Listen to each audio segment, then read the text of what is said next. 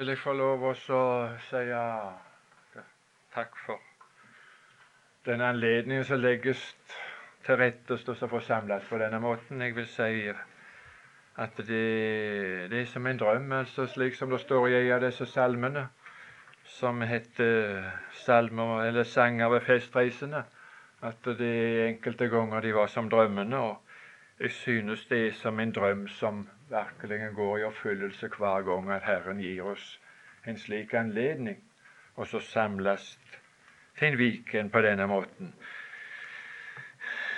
Jeg tror jeg vil si det før vi nå leser, at det er jeg bare si slik som jeg synes. Altså, jeg synes det er et privilegium å kunne samles på en slik måte.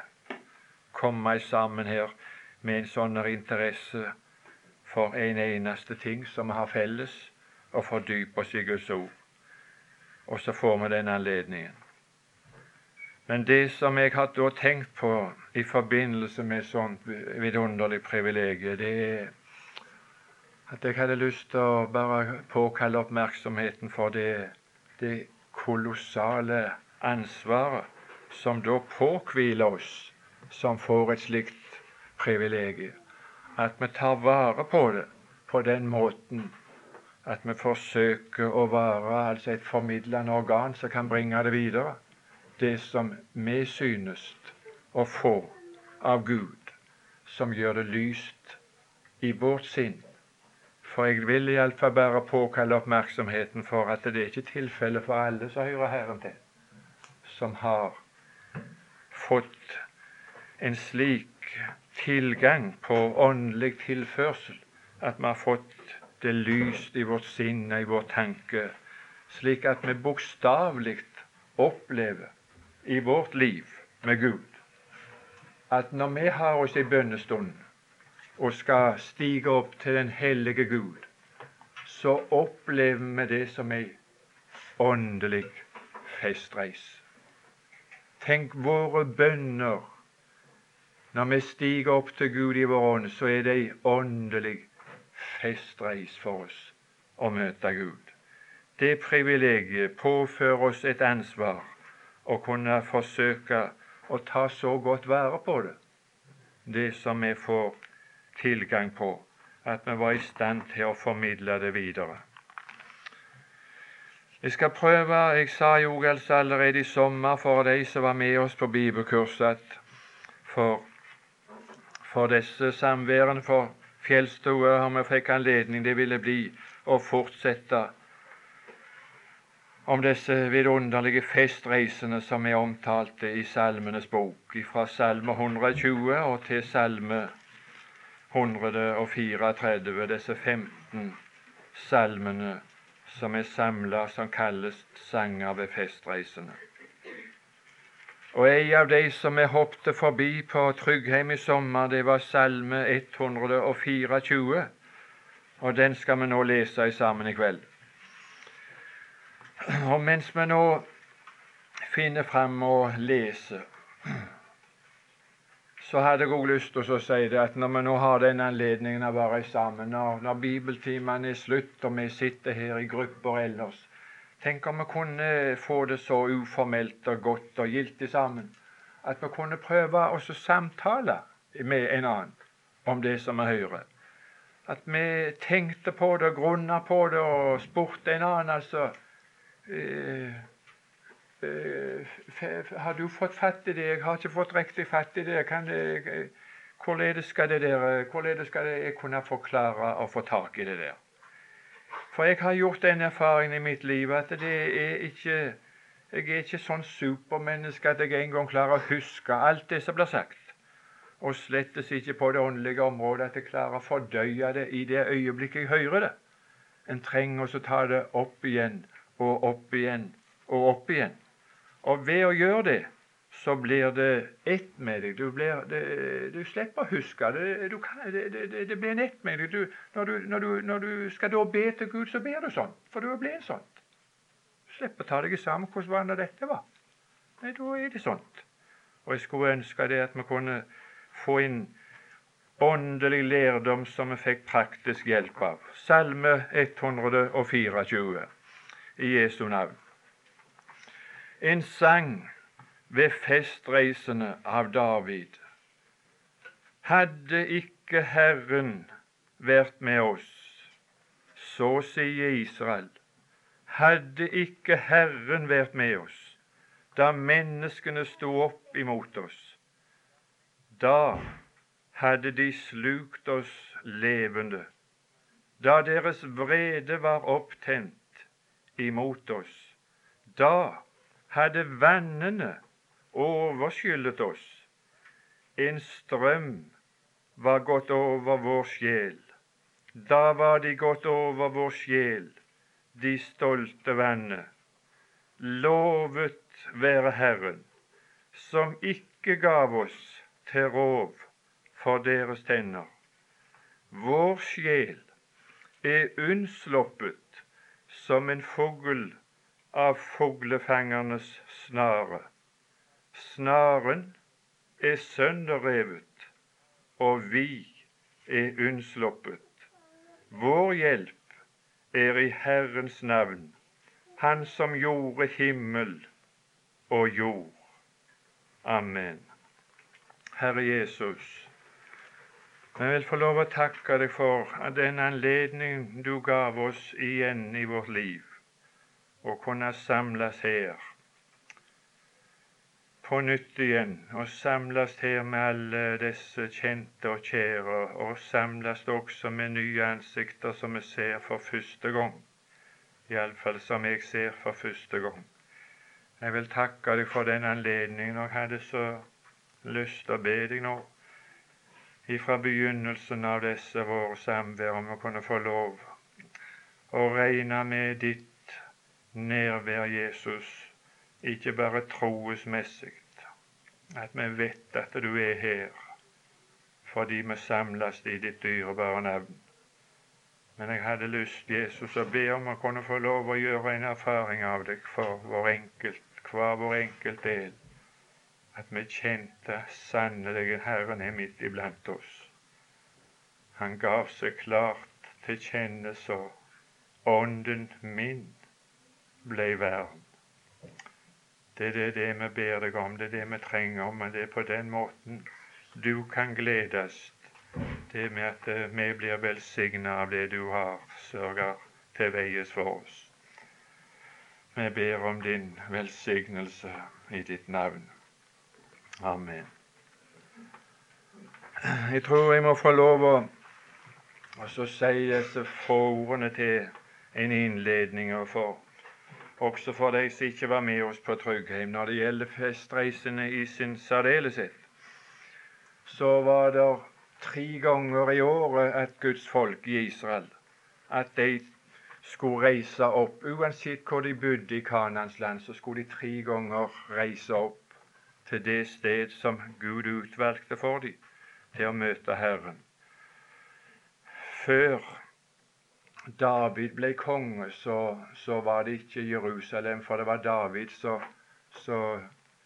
utvalgte Jerusalem til det hellige sted som de skulle reise opp til. Men ifra at han ble konge, så var det at tre ganger om året så skulle de reise opp ifra hver sitt hjemsted, alle mennene i hele Israel. Og når de drog av sted, så hadde Herren sagt ingen må vise seg for Herrens åsyn tomhendte. Så når vi har en slik sang som den sangen 'Tomme hender', så stemmer ikke det. Tomme hender må du ikke ha når du skal vise deg for Herrens åsyn, ellers så kommer du aldri til å bli antall.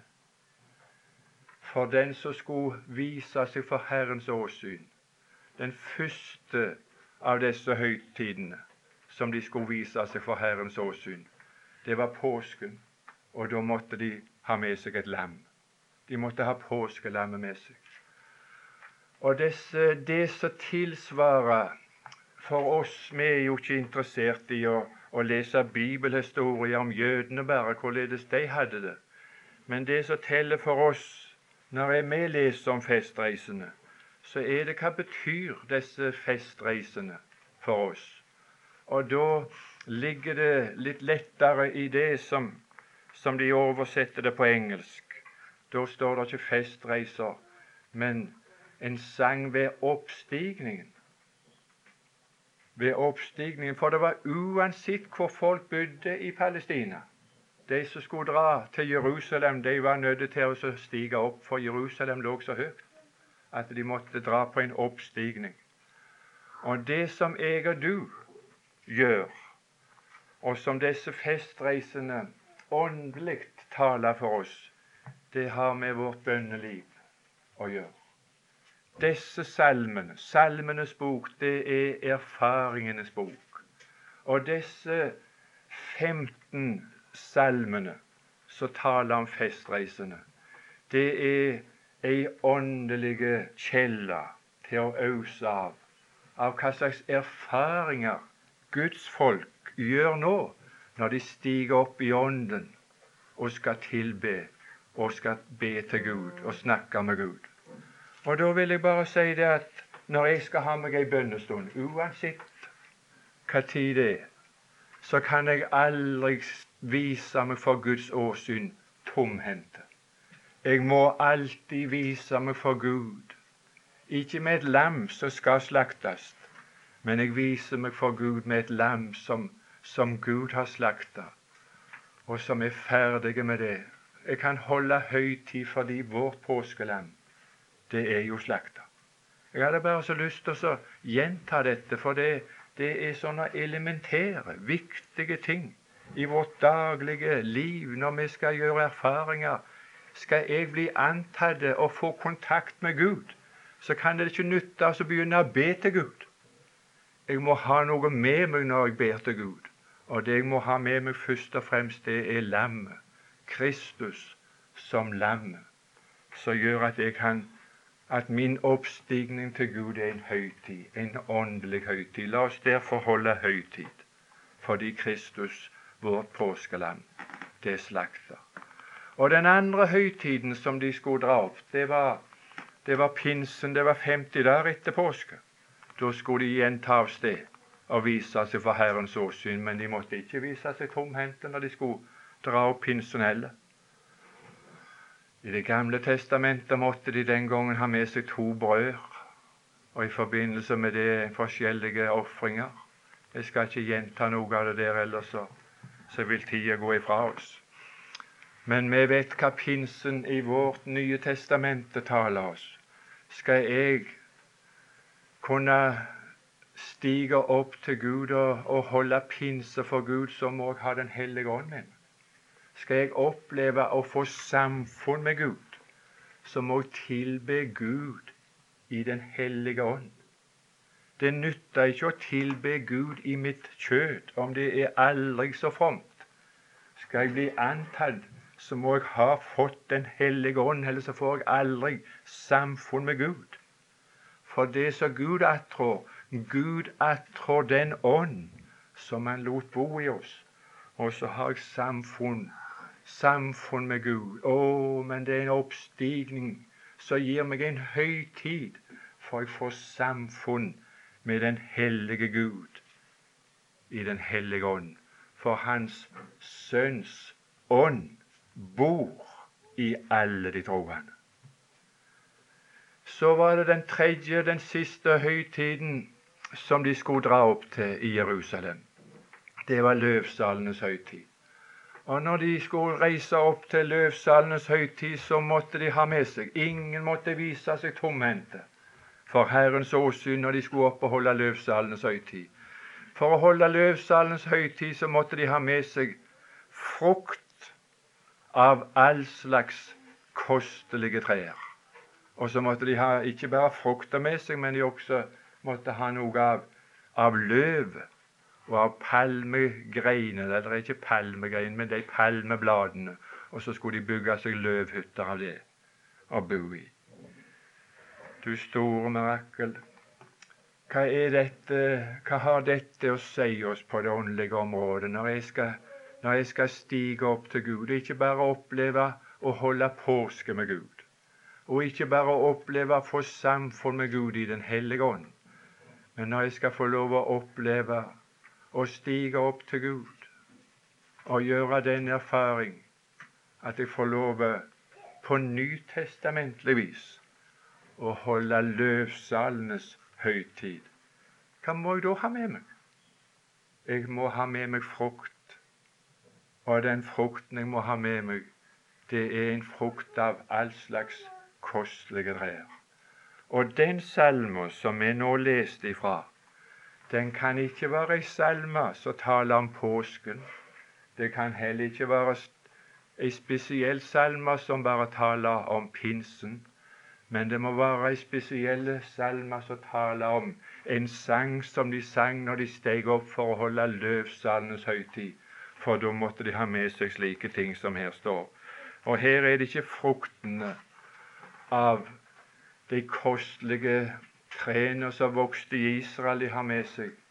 Men her er det frukter av et ganske annet kostelig tre, som også jeg og du kan ha med oss. Og det begynte med det som de hadde med seg. De hadde med seg erfaringer. Og det er kostelig. Det, det er frukter. Det er frukter av noe kostelig. De hadde med seg erfaringer når de nå steg opp. Og den erfaringen som de satt igjen med, det var som følge av dette som de begynte med å si. Hadde ikke Herren vært med oss. Så sier Israel. Ikke en og annen av Israel sier så. Ikke en og annen av de troende som stiger opp til Gud i sine bønnestunder, sier så. Jeg må bare få lov å spørre deg altså ganske personlig. Hva sier du til Gud når du stiger opp til ham? Når du skal ha deg ei bønnestund alene med Gud, hva sier du til Gud? Å, hadde ikke Herren vært med meg. Sier du det? Jeg vil bare få lov å komme med den personlige bekjennelse, og som også er en felles erfaring som den enkelte av oss gjør. Det er ikke alltid sant for oss at vi alltid er med Herren. Det er ikke sant om han Arnold Bjerkrem at jeg alltid er med Herren. Jeg kan ikke alltid si det når jeg skal be, at jeg alltid er med deg, Jesus. Det kan jeg aldri si. Alltid. Men vet du hva jeg alltid kan si? Og vet du hva alle de troende alltid kan si? Hadde ikke Herren vært med oss? Om ikke du alltid er med Herren, så er Herren alltid med deg. Er ikke det vidunderlig? Er ikke det vidunderlig? Er ikke det en vidunderlig frukt? At Herren er med deg alltid og det er ikke noe som en og annen kan si, men så sier Israel. Så sier alle de troende. Herren.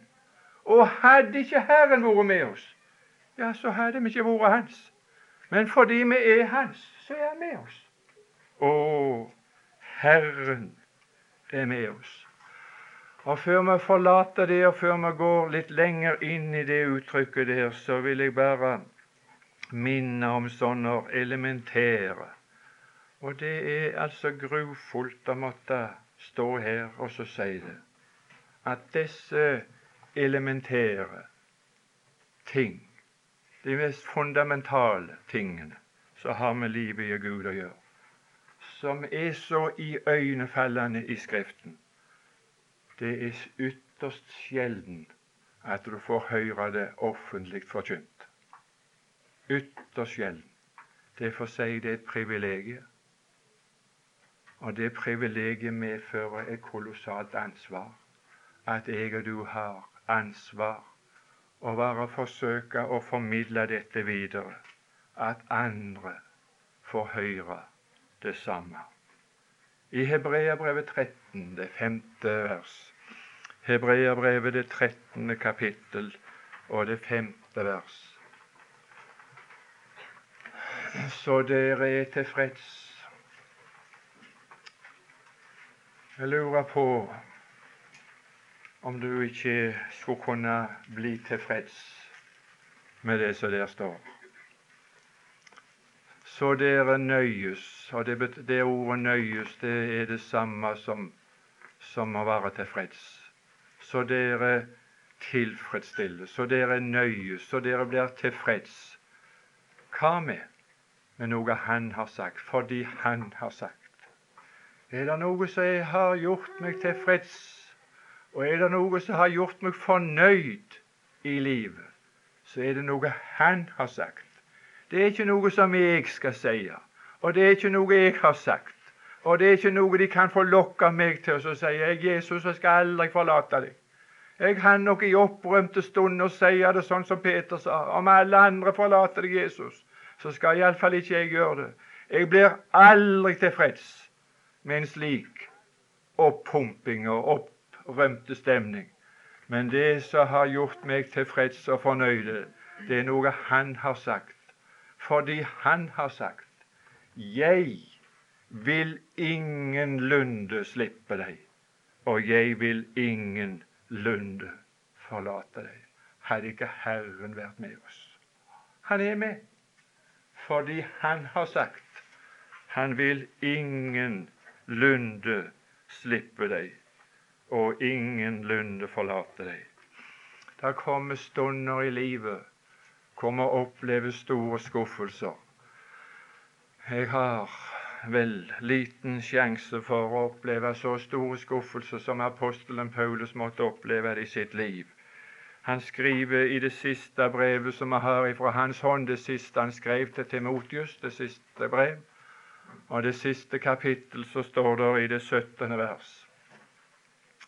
Og Der er det noe vemodig å lese. Han sier der ved mitt første forsvar var det ingen som møtte med meg, men de forlot meg alle. Det måtte ha vært en smertefull opplevelse og erfaring for Paulus å bli vitne til å stå, bli stående alene under anklagen Ingen. Alle forlot ham. Alle venner. Alle sammen forlot ham. Og så sier han noe som jeg har som jeg har aldri kunnet glemt. Han sier det, altså han sier ikke at det ikke kommer til å bli det tilregnet, men han sier gid det ikke må bli dem tilregnet. Vi vil nok en dag finne det igjen når vi svikter en annen. Det, er ikke bagatellmessig å svikte en annen og svikte en troende når han kom i vanskeligheter. Alle forlot meg. Det er ikke kristelig å forlate en broder som kom i nød. Og Paulus sa ikke at det ikke kommer til å bli tilregna de. Han sa gid ikke må bli dere tilregna at det forlot meg, at vi lot meg i stikken og lot meg alene i en sånn grufull situasjon. Men det var en som ikke lot meg i stikken. Alle forlot meg, men det var en som var i motsetning til alle. Så sa han, men Herren, men Herren Ikke sånn som sangeren synger, for de er ikke alltid så inne på det rette. Ikke sånn som sangeren synger, du kommer, Jesus. Når andre må gå, så kommer du, Jesus, og langt ifra. Han kommer aldri. Han kom ikke, for det er ikke nødvendig for han kommer. Men når de andre forlot han, så var det en som ikke gikk, men Herren. Men Herren sto hos meg. Han sto når de andre gikk. Det var en som ikke forlot han. Hadde ikke Herren vært med oss? Han vil ingenlunde slippe deg. Han vil ingenlunde forlate deg. Å, det er det jeg sier til Herren. Således er det hele Israel sier til Herren når de stiger opp. Hadde ikke du vært med oss, så hadde vi gått til grunnes. Men fordi du ingenlunde forlater oss, så er vi fremdeles inn. Så er vi fremdeles i den lykkelige forfatning at vår reise er ei festreis. Ei festreis fordi Herren er med. Det er Han som gjør vår reise til ei festreis. Hadde ikke Herren vært med oss. Men du store mirakel, hvis det er sant, kan du skjønne, at Herren er med oss, så er Han ikke med oss uten at det avsetter frukt. Han er ikke med oss i livet uten at det at vi gjør erfaringer av at det er frukter av at han er med oss. Så slik at når vi skal stige opp til Gud etter at Herren har vært med, så er vi så fulle av frukt at vi har mest ikke korger nok til å bære det. Vi er så fulle av erfaringer ifra det at Herren ikke forlot oss, men har vært med oss ifra den dagen vi sa ja til Herren. Og vi, han, han begynte å leve, og vi begynte å vandre sammen med Herren. Jeg skal si det ble frukt av det. Det er bare Det er bare én mann i Bibelen som blir prist salig fordi han er å ligne med et tre. Salme 1. Salig er den mann som Salme 1 beskriver. Hadde det vært vært mer enn én, så hadde det vært muligheter at det hadde vært flere sånne personer i denne verden. Men det er bare ett menneske som er å ligne med et tre, som gir sin frukt i sin tid. Og det er den Herre Jesus. Han er å ligne med et tre som er planta ved rinnende bekker, som gir sin frukt i sin tid. Og hans blader visner ikke, og alt han gjør, det har han lukka med. Det er bare Jesus, det. Det er ingen av de troende som er sammenlignet med trær i Bibelen. Der, er, der, der, der kommer ikke frukter av vårt liv som frukter av et tre. Og langt ifra. Men når det står omtalt at løvsalens høytid, så hadde de frukter med seg av all slags kostelige trær, så er det bare Herren som er ligna med kostelige trær som gir en sånn vidunderlig frukt for alle de som har Herren med seg. Som Herren er med, så gjør han slike frukter at en har slikt med seg når vi skal be til Gud. Og noe av det de hadde med seg på løvsalenes høytid, skal bare nevne tre av de fruktene jeg nå i denne forbindelse her.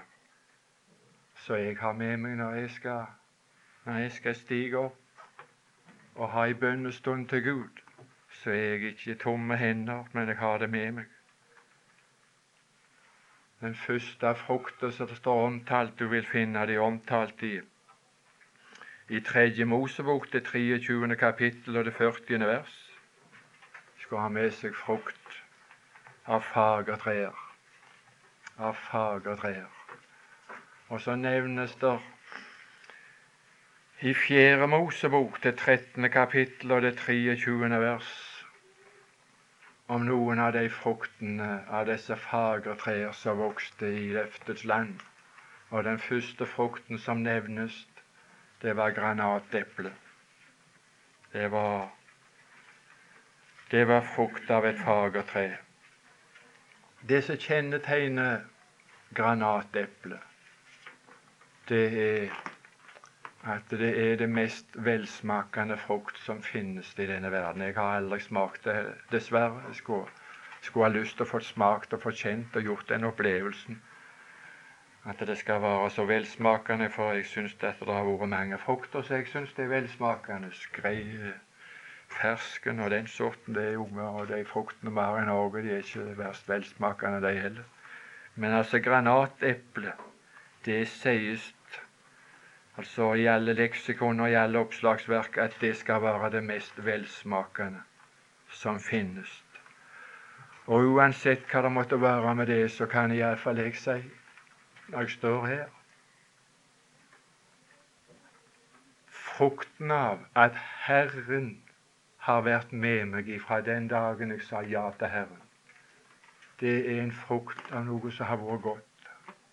Å, men det er godt å være frelst. Det er godt. Det er så usigelig godt å være frelst. Og det som er godt, det er at Herren er med.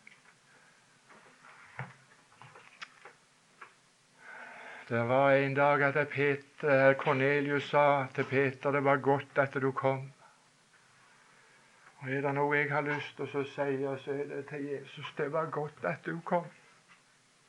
Og så var det ikke bare godt at du kom, Jesus, men det var godt at du ble med.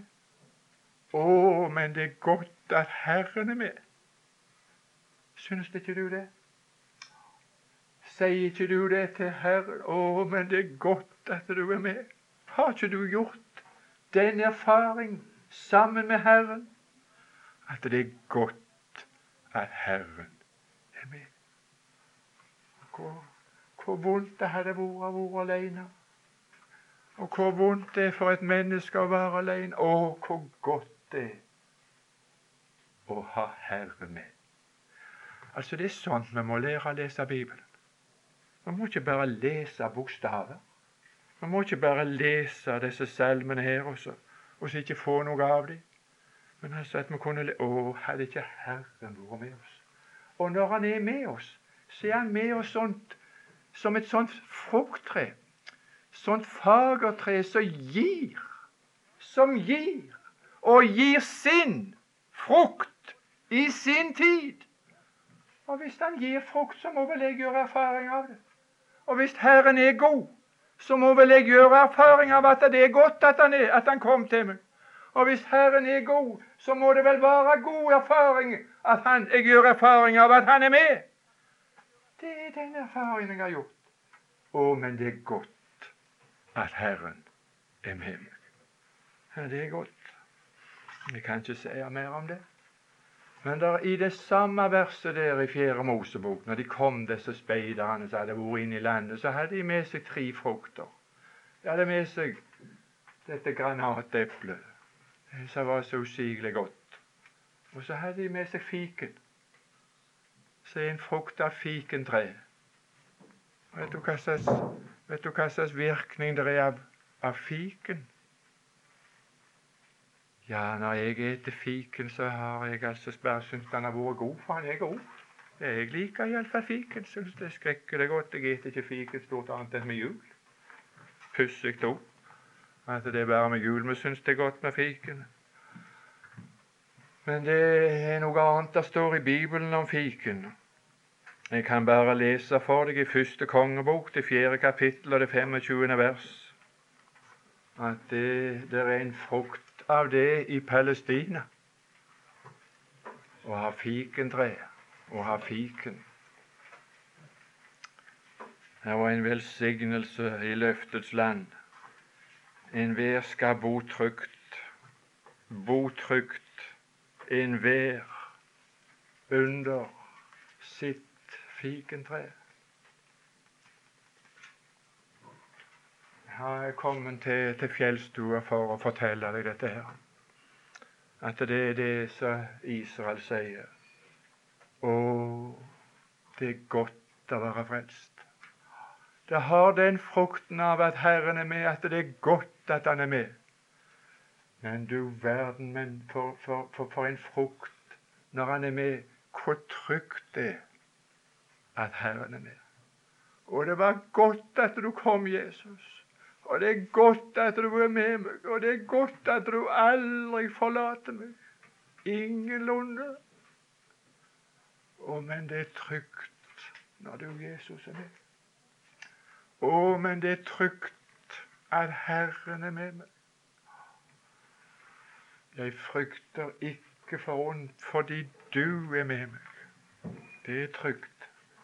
Det er det som gjør kristenlivet så usigelig trygt. Det blir ei festreis. Du skjønner det at det å leve med Gud, det er at din reise blir en festreise. Og det er ikke fristreise for noen annen enn de som har det trygt og godt. Det er ikke festreise når du har det vondt. Og det er ikke festreise når, når, når, når du skjelver så, så, så knærne vel mest knekker unna deg av redsel, angst og frykt. Å, hvor trygt det er. Da blir det festreis. Ikke før. Og det eneste som kan gi meg den frukt, frukt i livet, det er at Herren er med meg som et fikentre som gir en slik frukt til alt sitt folk. Vi kjenner oss trygge. Å, hvor trygt det er. Jeg bor trygt når du, Jesus, er med meg. Her blir ei festreis. så kan det, så kan det være så, så mørkt det vil. Gustav Nilsen er vel en av de, jeg vet ikke her om det så er vel ikke så mange som kjenner verken navnet eller forbinder så mye med navnet Gustav Nilsen, men Gustav Nilsen var det. han som var sammen med han far i alle år fra begynnelsen av når de begynte med bibelkurs. Og så lenge de levde, de slutta vel sammen på Karmøy med bibelkurs i 59 var vel en av det siste de var sammen. Jeg vet ikke.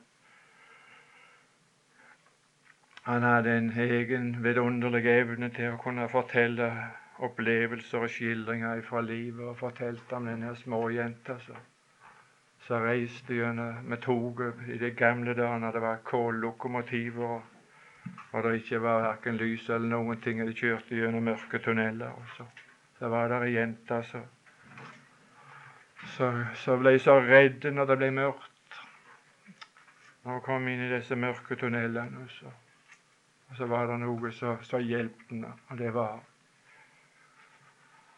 når mor og så reiste sammen med Holdna i hånd. Å, hvor trygt det er når du mor holder meg i hånda, når jeg bare vet at du er med meg.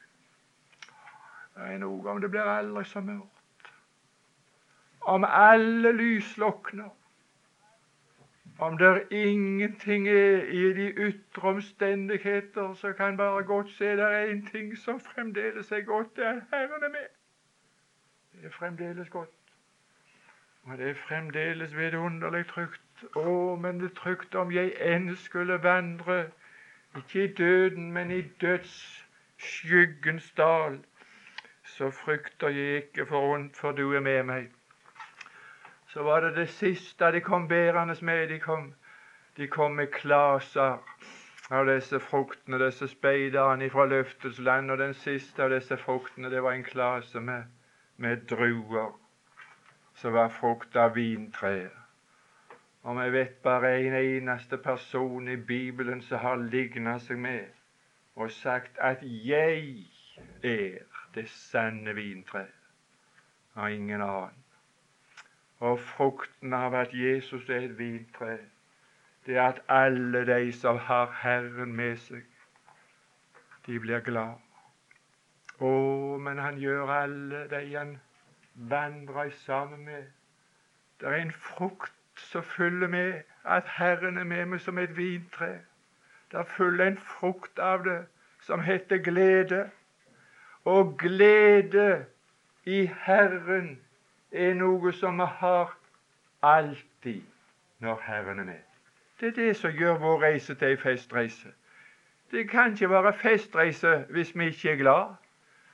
Det, det, det, det er ikke noe glede Det, er ikke noe, er ikke noe uttrykk for, for glede, en konstante glede, om det går an å, å, å, å smile og være fjollete på den måten. Det er en glede som ytrer seg på på ganske annet vis enn det. Paulus gav uttrykk for det, og så sa han som bedrøvede. det. Går an å være bedrøvet i denne verden. Det er ting som bedrøver oss kolossalt, men dog alltid glade. Og det som bedrøver oss, det er i ytre omstendigheter, og det er vår egen elendighet, og det, det er så mange ting. Men det som gjør at vi alltid kan være glad, det har med Herren å gjøre hadde ikke Herren vært med. Men når Herren er med, gled er der i Herren alltid. Den frukten er der alltid av når Herren er med, at Han gjør alt sitt folk glad. Ja, jeg kan ikke si mer heller om det. Men så sto det at resultatene Nå begynner han å nevne fruktene mer konkret av det som har gjort de glad og trygge, og at det var godt at Herren var med, så spesifiserer han det her. Ikke han, men alt, alt Israels folk har gjort samme. Det er felles erfaringer. Det er ikke erfaringer som enkelte gjør. Så sier Israel. Hadde ikke Herren vært med oss da menneskene sto opp imot oss, og Nå vil jeg bare få lov å spørre deg, du som sitter her med oss og kommer med oss på dette på denne viken her på fjellstua, når opplevde du personlig at menneskene sto opp imot deg? Da menneskene sto opp imot.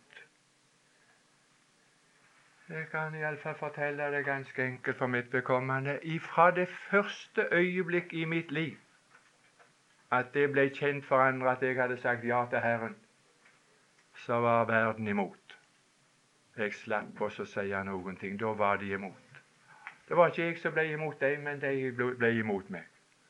Ifra det første øyeblikk at et menneske sier ja til Herren, og er det noen som har sagt dette ja hele veien i sitt liv, så har de hele veien i sin oppvekst opplevd at menneskene er imot oss bare fordi at vi har sagt ja og sier ja til Jesus. Matteus evangeliet, det tolvte kapittel og det tredjete vers, forteller det at den som ikke er med oss, han er imot oss. Så her er det, her er det klare grenser. Den som ikke er med oss, ikke er i det selskapet at Herren er med oss, de er imot oss. Det er den erfaringen vi har gjort. Jeg gjorde den erfaringen fra den første dagen. Jeg hadde, jeg hadde bøtt mine kne på bedehuset om kvelden. Og det var neste dag når jeg skulle til Krossen igjen. Der så en skulle møte de som før hadde vært venner og kamerater og omgangskrets. Da opplevde jeg jeg hadde fått noen som var imot meg, som før hadde vært med bare fordi jeg hadde sagt ja til den Herre Jesus. Det er et spørsmål i Romerbrevet, det åttende kapittel og det 31. vers. Hvem er da imot oss når Herren er for oss? Og På det spørsmålet kan jeg ikke finne noe annet enn at det er alle som ikke er med oss. De er imot oss. Ikke like intenst, men alle er imot. Men det jeg har fått lov og gjort erfaring av inntil denne kveldsstund, er jeg jo blitt gammel, har levd et liv og gjort erfaringer fra den dagen at Herren fikk komme inn i mitt liv og har vært med meg og ikke sluppet meg og ikke forlatt meg i mitt liv. Så har jeg gjort den erfaring som Johannes forteller om i sitt første brev, det fjerde kapittel og det fjerde vers. Han som er i eder, er større enn han som er i verden.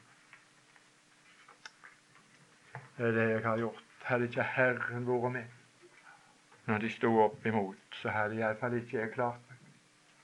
Men at Herren, Han er større, og derfor hører jeg fremdeles Herren til. Og så var det ikke bare det at de ble imot oss, men her står da menneskene sto opp imot oss, da deres vrede var opptent imot oss. Da deres vrede var opptent imot oss. Det kom et punkt altså at de ikke bare ble imot, men det var noe som tente for første gang når det gjaldt oss. Deres vrede ble opptent imot de troende. Og når jeg ble en troende, så ble det opptent imot meg. Det er en erfaring som alle de troende gjør. Og jeg vil svare på et spørsmål. Og det spørsmålet er hvorfor opptennes menneskenes vrede imot alle som kommer til troen på Jesus? Hvorfor opptennes Hvorfor opplever vi dette fryktelige vredes som brenner imot de troende alle veier, på alle områder, sterkere og mindre grad? Ganske enkelt så skal jeg svare på det. Det er fordi at den som tror på Jesus, han gjør krav på å være og tilhøre det eneste folk som Gud har i denne verden. Vi gjør krav Ved å tro på Jesus så gjør vi krav på å være det eiendomsfolk som Gud har i denne verden. Og så utelukker vi alle de andre som ikke tilhører dette folk. Og Guds vrede blir over den. Den som tror, han blir ikke dømt. Men den som ikke vil tro, han er allerede dømt, og Guds vrede blir over dem. Derfor, fordi vi gjør krav på dette, så tennes deres vrede. Det var ikke bare slik individuelt for oss, men det var slik for, for de troende, for menigheten, for de troende fra pinsedag av. Så opplevde dette felles erfaringer ned gjennom alle tider. Jødene de fikk opptent sin vrede mot de troende fordi at pinsedag opphevde forskjell på jøde og hedning. Jødenes privilegium som de hadde hatt inntil den stund, tok slutt. Jødene som, som til den tid hadde vært Guds eiendomsfolk i denne verden det var i Kornelius' hus at det gikk opp for Peter for første gang. Jeg skjønner i sannhet at Gud ikke gjør forskjell på folk. Og Fra den dagen av så opplevde Peter å bli forfulgt av jødene som han aldri hadde vært før. Fordi han opplevde, opphevde jødeprivilegiet.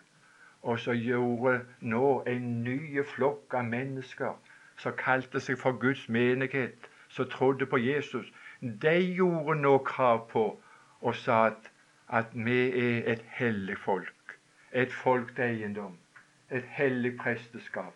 Og jødefolket er forkasta. Du vet, Jødene ble så forbitra imot dem. Der opptentes et hat imot de troende som det aldri har vært sett maken til i verdens historie.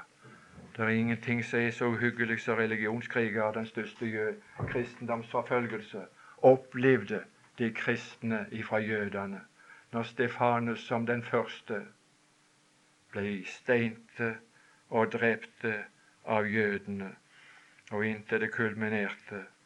Men seinere så var det på samme måten så opplevde at det, det opptentes en vrede ifra hedningefolk når Paulus kom til de hedenske byer og gjorde krav på at dette budskapet som vi forkynner, og den Gud som jeg tror på, han er den sanne Gud, og at alt det som hedningene har det er bare, det er bare tankebygninger, mennesketanker, det er avguder, det, det, det, det, er stein og stokk, det, det, er verdiløst. Og så opptentes det en vrede og en forfølgelse imot Paulus. Han gjør til intet de hedenske guddommer.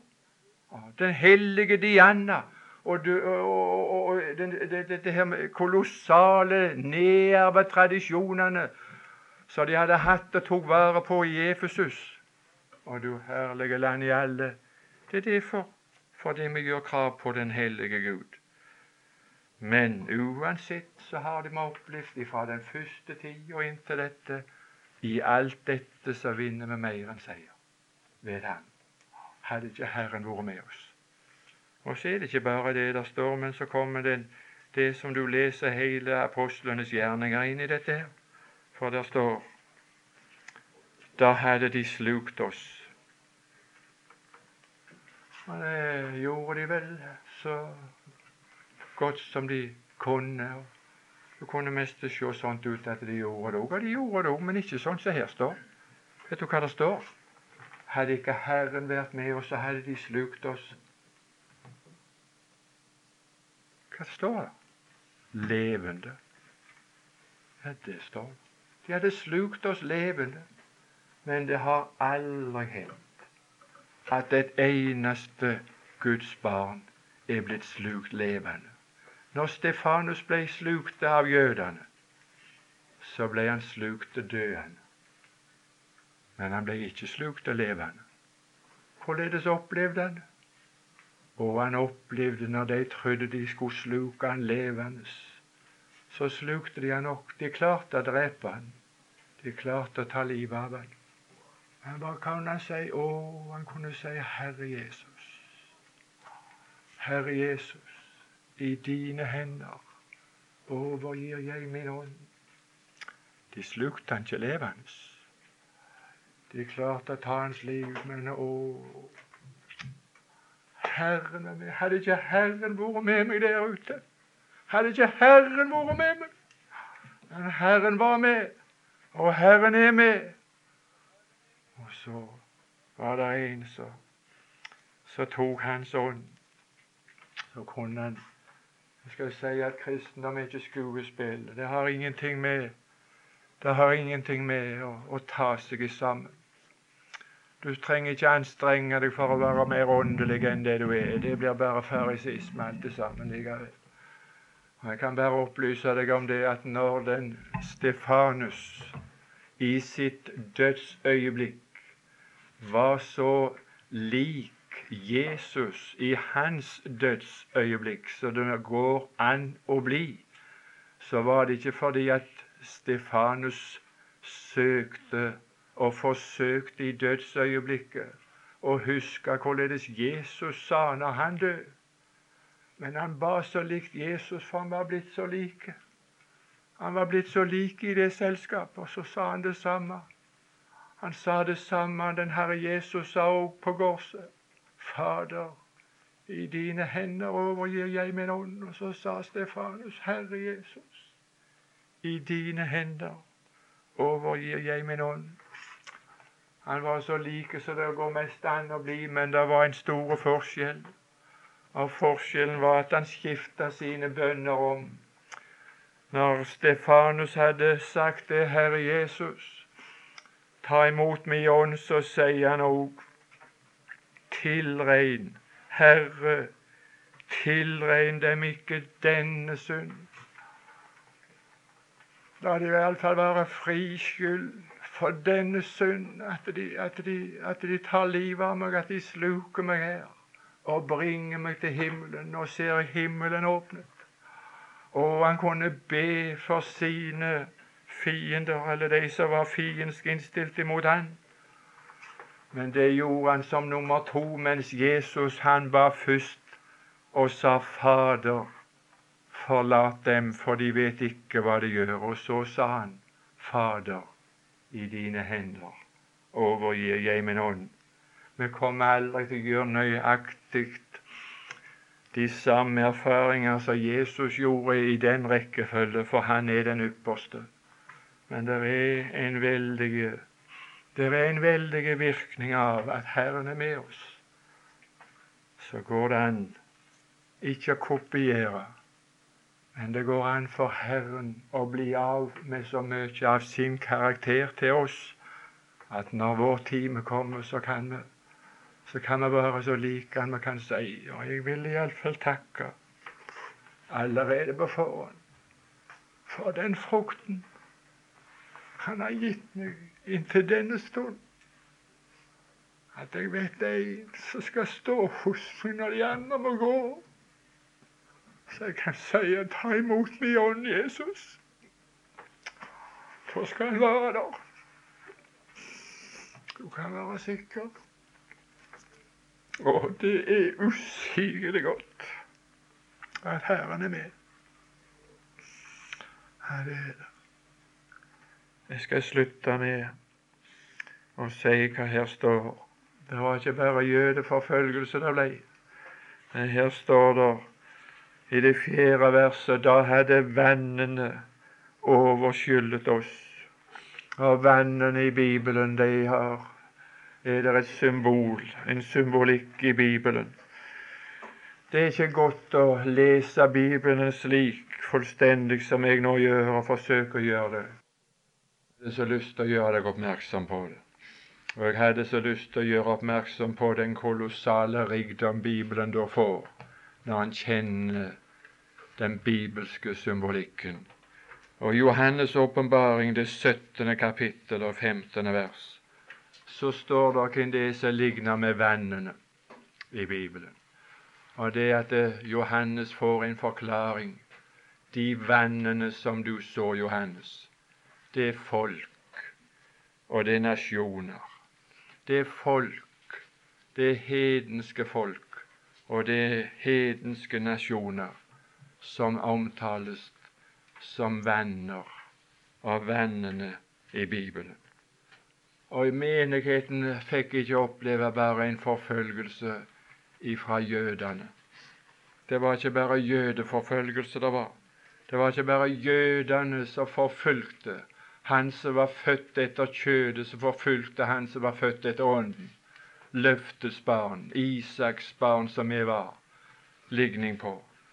Og du verden, men jødene hata menigheten fordi at menigheten ikke bare gjorde krav på, men det tok alle jødenes privilegier som de hadde hatt i årtusener, og være det utvalgte folk i denne verden som Gud bodde i, og Gud anerkjente og ga de privilegier og ga de fortrinn fremfor alle.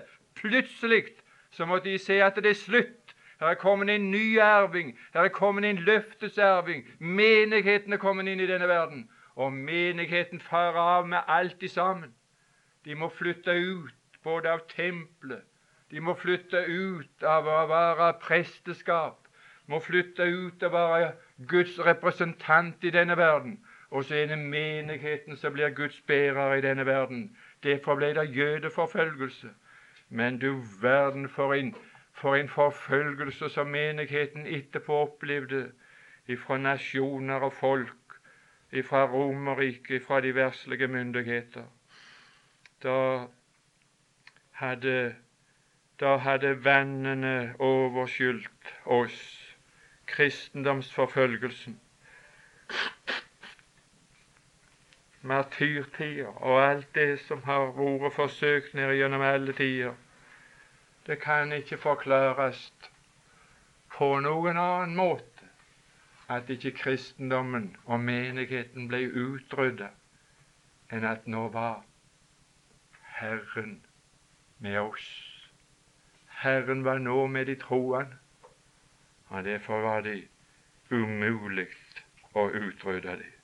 Når du går gjennom vann, så skal vannene ikke overskylle deg. Det var ikke det at det ikke var trengsler. Det var ikke det at det ikke var martyrtid. Det var ikke det at det ikke var forfølgelse fra verden. Det er ikke det at ikke jeg og du kommer til å oppleve det. Men det vi skal slippe, det er at vi skal slippe at det skal overskylde oss. De skal aldri kunne sluke oss levende. Det kan bringe oss litt snarere til himmelen. Det er det eneste det kan. Men de kan aldri overskylde oss. Peter han sier i sitt første brev og fjerde kapittel og det attende vers Og blir den rettferdige vanskelig frelst, så hadde jeg så lyst til å legge bredt på det for deg, du sier her. Den rettferdige blir frelst. Det står at den rettferdige blir frelst. Men han blir frelst under vanskeligheter. Han blir ikke fri vanskeligheten. Du må ikke undre deg, sa Peter.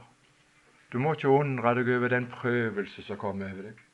Men han skal aldri overskylde deg. Aldri. For Herren er med oss. Da hadde en strøm gått over oss. Det er det siste. Hadde ikke Herren vært med oss, da hadde en strøm gått over, ikke oss, men vår sjel. Det er en strøm som er omtalt i Bibelen, og den strømmen er omtalt der er, der er strøm i vanner, altså i havet er det strøm, men det, det er ikke den strømmen. Det er en strøm som er uhyggelig, og det er den strømmen som en opplever i elvene, i store elver når de går over alle sine bredder i høstflaumene. Og det er ei elv, og det er en strøm i ei elv som er særlig fryktinngytende, og det er Jordanelva om høsten, når flaumene i flaumtida, når den går over alle sine bredder. Da er den strømmen fryktinngytende. Og det var på flomtiden at Josva kom til Jordan og skulle føre Israels folk over Jordan til løftets land, midt på lyse dagen. Når de gikk over Det røde hav, så var det om natta. Men når de skulle gå over det Jordan, så var det midt på lyse dagen. Men så var det noe som hendte. Å, om den strømmen Om noen hadde prøvd å gått ut De skulle prøve å passere Jordanelva der ingen hadde overlevd. En strøm hadde overskylda de, og så hadde de ikke vært med. Men så var det noe de opplevde. Herren var med. Hadde ikke Herren vært med oss når vi skulle passere Jordan? Og i det øyeblikk at arken berørte vannet i Jordan i flaumtida, så stanste vannet i Jordan ifra en plass oppe i Jordan som heter Adam. Og så rann elva tomme for vann, slik at når Israel gikk over Jordan, så gikk de torskudd over midt på lyse dagen. Ingen ble våte på føttene engang. Det var ingen strøm som overskylda de. Ikke slik når vi som vi synger gjennom Jordans kolde vann. Jeg skal ikke gjennom noe vann. Da hadde de overskylda meg. Jeg skal ikke gjennom noen Jordans kolde vanner når jeg skal inn i døden. Nei, når jeg skal gå over dødsfloden, så skal jeg oppleve at det er ikke vann. Det er ikke vann. Det skal ikke være mørkt når jeg skal gå over døden. Det skal være i fullt dagslys. Jeg skal gå over fra denne verden og inn i evigheten uten å se død, uten å smake død. Jeg skal gå rett inn i herligheten, bort ifra legemet og hjem til Herren. Hadde ikke Herren vært med? Å, men det er det som skal gjøre min reise ifra denne verden inn i evigheten til ei festreis. Når jeg stiger opp, det skal ikke være vann. Det skal ikke være mørkt. Det skal ikke være noen ting av det som skal skremme. Det kan være noe skremmende på denne sida. Det var noe skremmende før de steg ned og skulle gå over. Og Jordan var fryktinngytende for alle. Pappa, jeg kan aldri gå der. Jeg er så redd. Jeg er så redd. Den flaumen, den strømmen. De kom ned til bredden, og så, og så skulle de gå over der. Jeg våger aldri å gå der. For når de sjøl kom der, så var det ikke vann.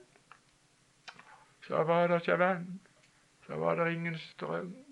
Så var det ingen som trengte være redde noen ting. Når vi skal gå ifra denne verden og stige opp til den evige Gud, så skal det ikke være noe mørkt. Så skal det ikke være noen strøm som skal overskylde oss. Hadde ikke Herren vært med, så hadde den strømmen overskyldt oss. Stakkars deg som skal gå over døden uten at Herren er med. Da er det ikke bare fryktinngytende, men det, det er fryktelig og havna der så den strømmen fører alt med seg ifra Jordanfloden. Det ender bare i én plass, og det er i Svovelsjø. Hadde ikke Herren vært med, så hadde jeg enda der. Men fordi Herren er med, så stanser strømmen, og så stanser vannet i det øyeblikket skal gå over. Så går han over i dagslyset, så går han over. Tårskuddet. Herre Jesus. Å, men det er godt at du er med. Å, men det er trygt at du er med. Å, men det er gledelig at du er med. Herre Jesus, du har gjort vår reise til ei festreis. Kunne du, Herre Jesus, på din måte og din forunderlige vei klarer å få finne en måte å få bruke den enkelte av oss til å kunne formidle dette vidunderlige evangeliet ut til andre. At andre må få, få, få, få tak i det. At vi kunne gjøre godt og dele dette med andre. La det lykkes, Jesus. La meg hjelpe, la meg oppmuntre hverandre når vi har anledning til det. Velsign disse dagene. Velsign alt for ditt navns skyld. Amen.